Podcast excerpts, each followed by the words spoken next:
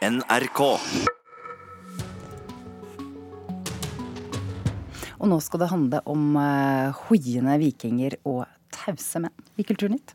Tause menn, da tenker jeg på Ut og stjele hester, boken og nå filmen, som Hans Petter Moland har regissert, og som vi skal snakke om ganske snart, for um, han kommer hit i Kulturnytt. Men først om vikingene. Og da tenker jeg på komiserien Vikingane, som um, mange har likt når den har gått på NRK, og så har uh, noen sett den på strømmetjenesten Netflix, der den på engelsk heter Norsemen. Og nå går Netflix og NRK sammen om å lage en tredje sesong av sin felles uh, seersuksess, kan vi vel kalle det. Men selv om begge deler på denne serien, så er det altså NRK som betaler brorparten.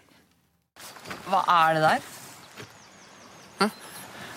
Horna på hjelmen din, skal, er det til pynt, eller skal du spidde folk med dem? eller hva? Horn er det nyeste innen mote, det. Nei, du kan ikke ha horn på hjelmen din. Det ser helt dust ut. Mm. Hvis du har sett på NRK en gang i løpet av de siste årene, drar du sikkert kjensel på komiserien Vikingane. Eller kanskje husker du bedre om vi gjør sånn her? What are those?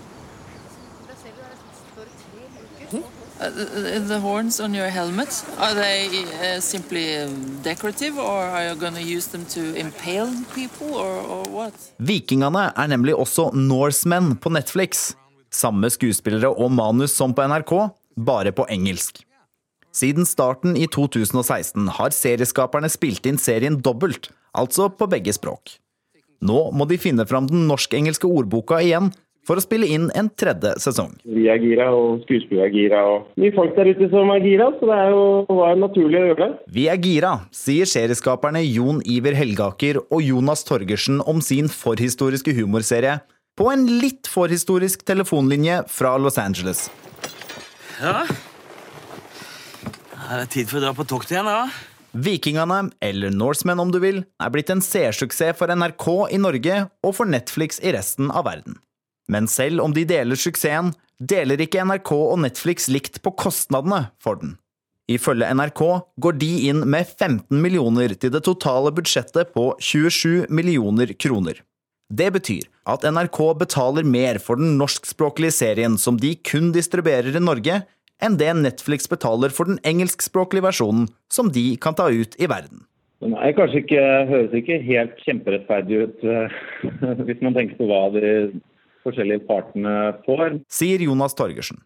Kompanjong Jon Iver Helgaker påpeker at Netflix ikke er produsent på lik linje med NRK, og at NRK som følge av samarbeidet får en fet serie til en billigere penge enn om de skulle laget den alene. Time to swing the old sword again. The sea giveth, and the sea taketh away. NRK betaler også mer fordi det er de som blir sittende med eierskapet til både den norske og engelskspråklige serien, sier redaksjonssjef Kristina Resk Resar. Altså, de har jo ikke vært inne, de har jo ikke eierandelene sånn som Vi eier jo fortsatt serien. Sånn at eh, vi har etter et gitt år, så er det jo vi som eier den, ikke Netflix. Netflix-direktør for innkjøp og produksjon i Nord-Europa, Lina Broneus, skriver i en e-post til NRK at strømmegiganten ikke kommenterer spesifikke avtalebetingelser. Men det vi kan si, er at vi er fornøyde med å ha fornyet denne suksessserien, og at vi setter stor pris på vårt pågående partnerskap med NRK. For skaperne er det viktigste nå å få i gang selve produksjonen av serien, sier de.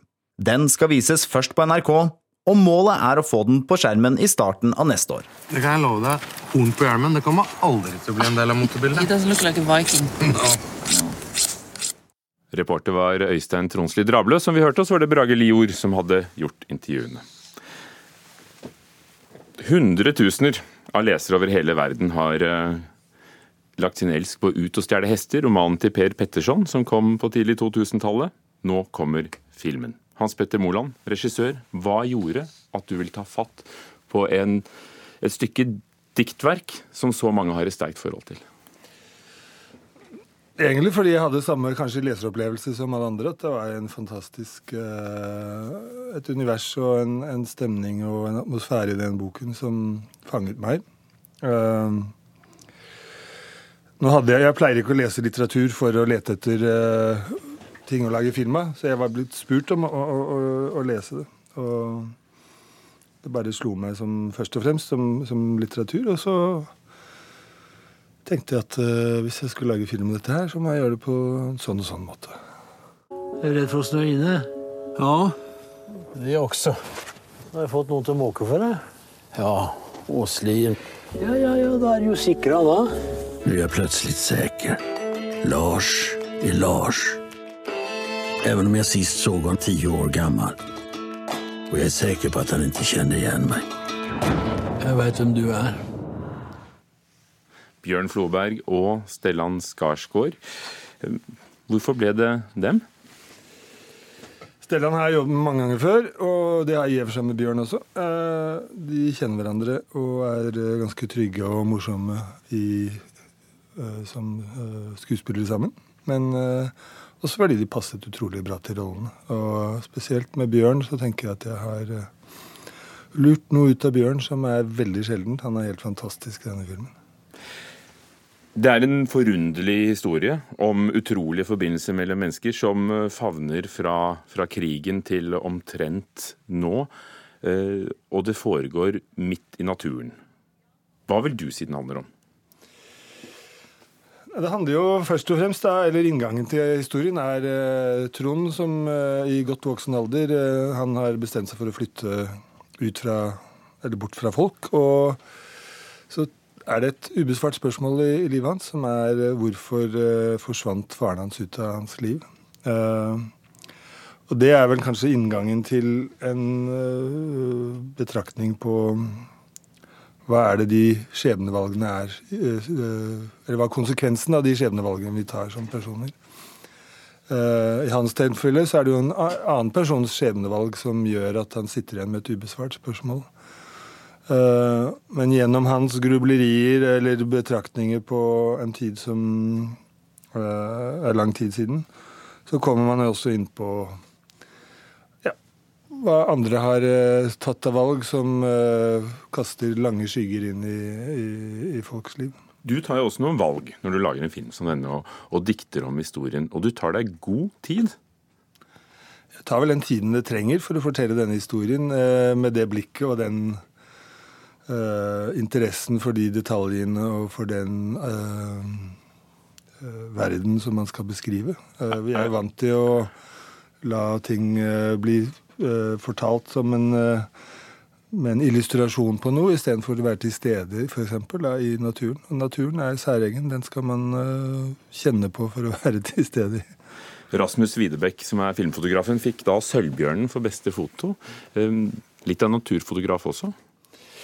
Ja, altså det å lage bilder, det er jo ikke bare å, å fotografere naturen. Det er jo at man går til uh, oppgaven og skaper eh, et visuelt uttrykk som eh, gjør at eh, den historien man forteller, uh, resonnerer i folk som ser på. Og da må det jo være nysgjerrig både på den menneskenaturen som er der, og den, eh, de omgivelsene som er der. Men når du står der som regissør, og, og Bjørn Floberg, som du selv sier, er ganske enestående i sin innsats her, som du ser det, og, og uh, Rasmus Widebekk uh, tar sine bilder, hvor blir din plass? Hvor stor plass tar du da? Rasmus Widebekk tar ikke sine bilder. Jeg har skrevet manus, og jeg regisserer, så det er jo en, eh, et, et samarbeid hvor uh, veldig mye er gjort på forhånd. Eh, Rasmus kom faktisk ganske sent på her, fordi, uh, ja, av forskjellige omstendigheter. Men den jobben vi gjør sammen, det er jo å opprettholde en At man har en, en angrepsmodell som man blir ved å, å utforske og utfordre. eh, og være nysgjerrig på. Eh, det å lage filmen er ikke liksom painting by numbers. Det er eh, når du står der med en skuespiller og med en skiftende natur foran deg, at du hele tiden klarer å opprettholde en interesse for det sujettet du driver arbeidet med. Det er ingen hemmelighet at, at mange har forsøkt seg å, å få en film ut av Ut og stjele hester før. Og nå kommer den. Festpremiere i kveld. Norgespremiere eh, i, i morgen. Kan det også handle om at dette er, er din verden du beskriver, den verden du kommer fra? Det er noe jeg kjenner godt. Jeg har eh, delvis vokst opp på en gård. Jeg er langt fra folk. Eh, Jeg har eh, herset og kjørt tømmer med hest og hatt hest som liten. Jeg har fortrolig med det å bo inne i en, en verden hvor ikke det er så mange mennesker. Så akkurat det føler jeg at jeg er eh, godt rustet til å beskrive. Og fra å ha hesjet og kjørt hest, så har du vært fire ganger nominert til eh, hovedprisen under Berlinfestivalen. Denne var det også. Du har to filmer ute nå. Det andre er en eh, remake, som det heter, av Kraftidioten som kom for noen år siden. Nå heter den Cold Pursuit og har Liam Neeson i, i, i hovedrollen. Hvordan makter du å lage to filmer som er ute omtrent samtidig? Det var ikke helt, ide helt ideelt. Vi hadde premiere i USA fredag den 8. februar, og den 9. februar var vi i Berlin. Eh, og det er vel omtrent den dårligste timingen man kan eh, finne seg. Men det er ikke alltid man er herre over det. Men det har gått eh, en kule og varmt de siste par årene. Hvilken syns du vi skal se først, da? Jeg tror nok at vi kan begynne med 'Ut og stjele hester', og så er Cold Pursuit tilgjengelig, den også. Så kan man gjøre det som en double feature, kanskje. Takk skal du ha, regissør Hans Petter Moland.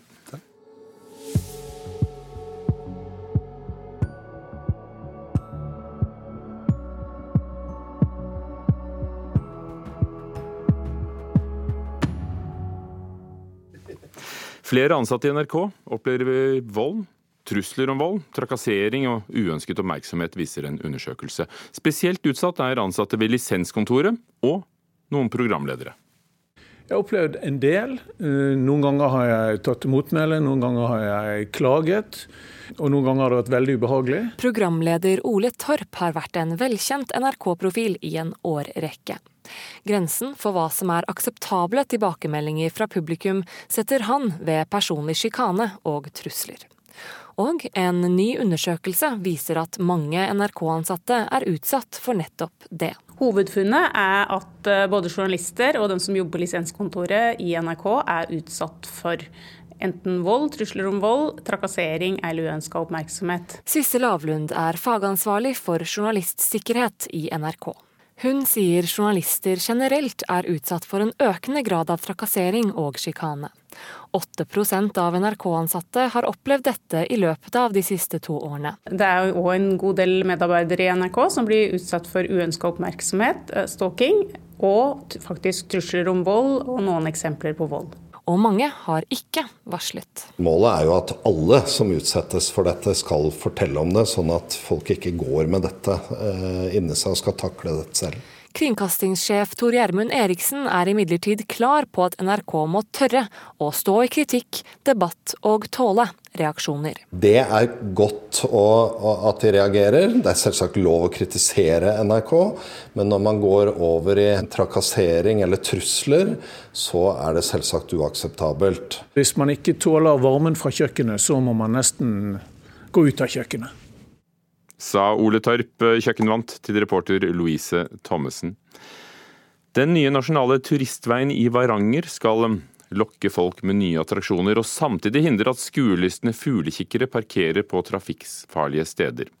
I løpet av et par år er det nye tilbud på fjellet Domen i Vardø og i det gamle fiskeværet Hamningberg som er eh, blitt populære. På arkitektkontoret Biotop i Vardø kan Tormod Amundsen og Monica Espensen vise oss skisser til nybygg. Det ene skal være på Domen utenfor Vardø, og det andre skal være på enden av den nasjonale turistveien, altså i Hamningberg. På slutten av veien der så ser du bare vakkert, åpent hav, og du ser ikke land mer.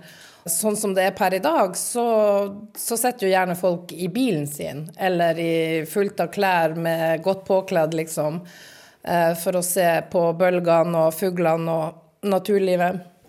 Å kunne få sitte der og få kjenne salte sjølufta i ly for vin, det tror jeg vil gjøre underverket der. De siste årene har det vært litt rolig tempo i byggingen av den nasjonale turistveien i Varanger. Det er snart åtte år siden det storslåtte minnestedet over hekseprosessen sto ferdig på Steilneset i Vardø.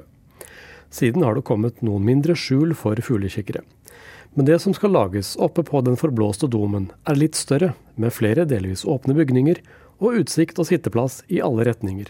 Så uansett vindretning, uansett hvor sola eller nordlyset for den del, så vil du finne en, eh, en god lekrok å oppleve både utsikt og samtidig sitte i le. Og I tillegg har vi et par fine ildsteder på den Domen-prosjektet. Fredrik Fløgstad er strekningsansvarlig for den nasjonale turistveien i Varanger, og sier at de satser spesielt på fugleinteresserte reisende. Da vil vi gjerne tilby et spredt utvalg eh, langs hele strekningen, der eh, fugleentusiaster kan stoppe langs veien uten å lage trafikkfarlige situasjoner. Reporter var Knut Sverre Horn om eh, turistveien eh, Varanger-Mortensnes-Domen Hamningberg i, i Finnmark.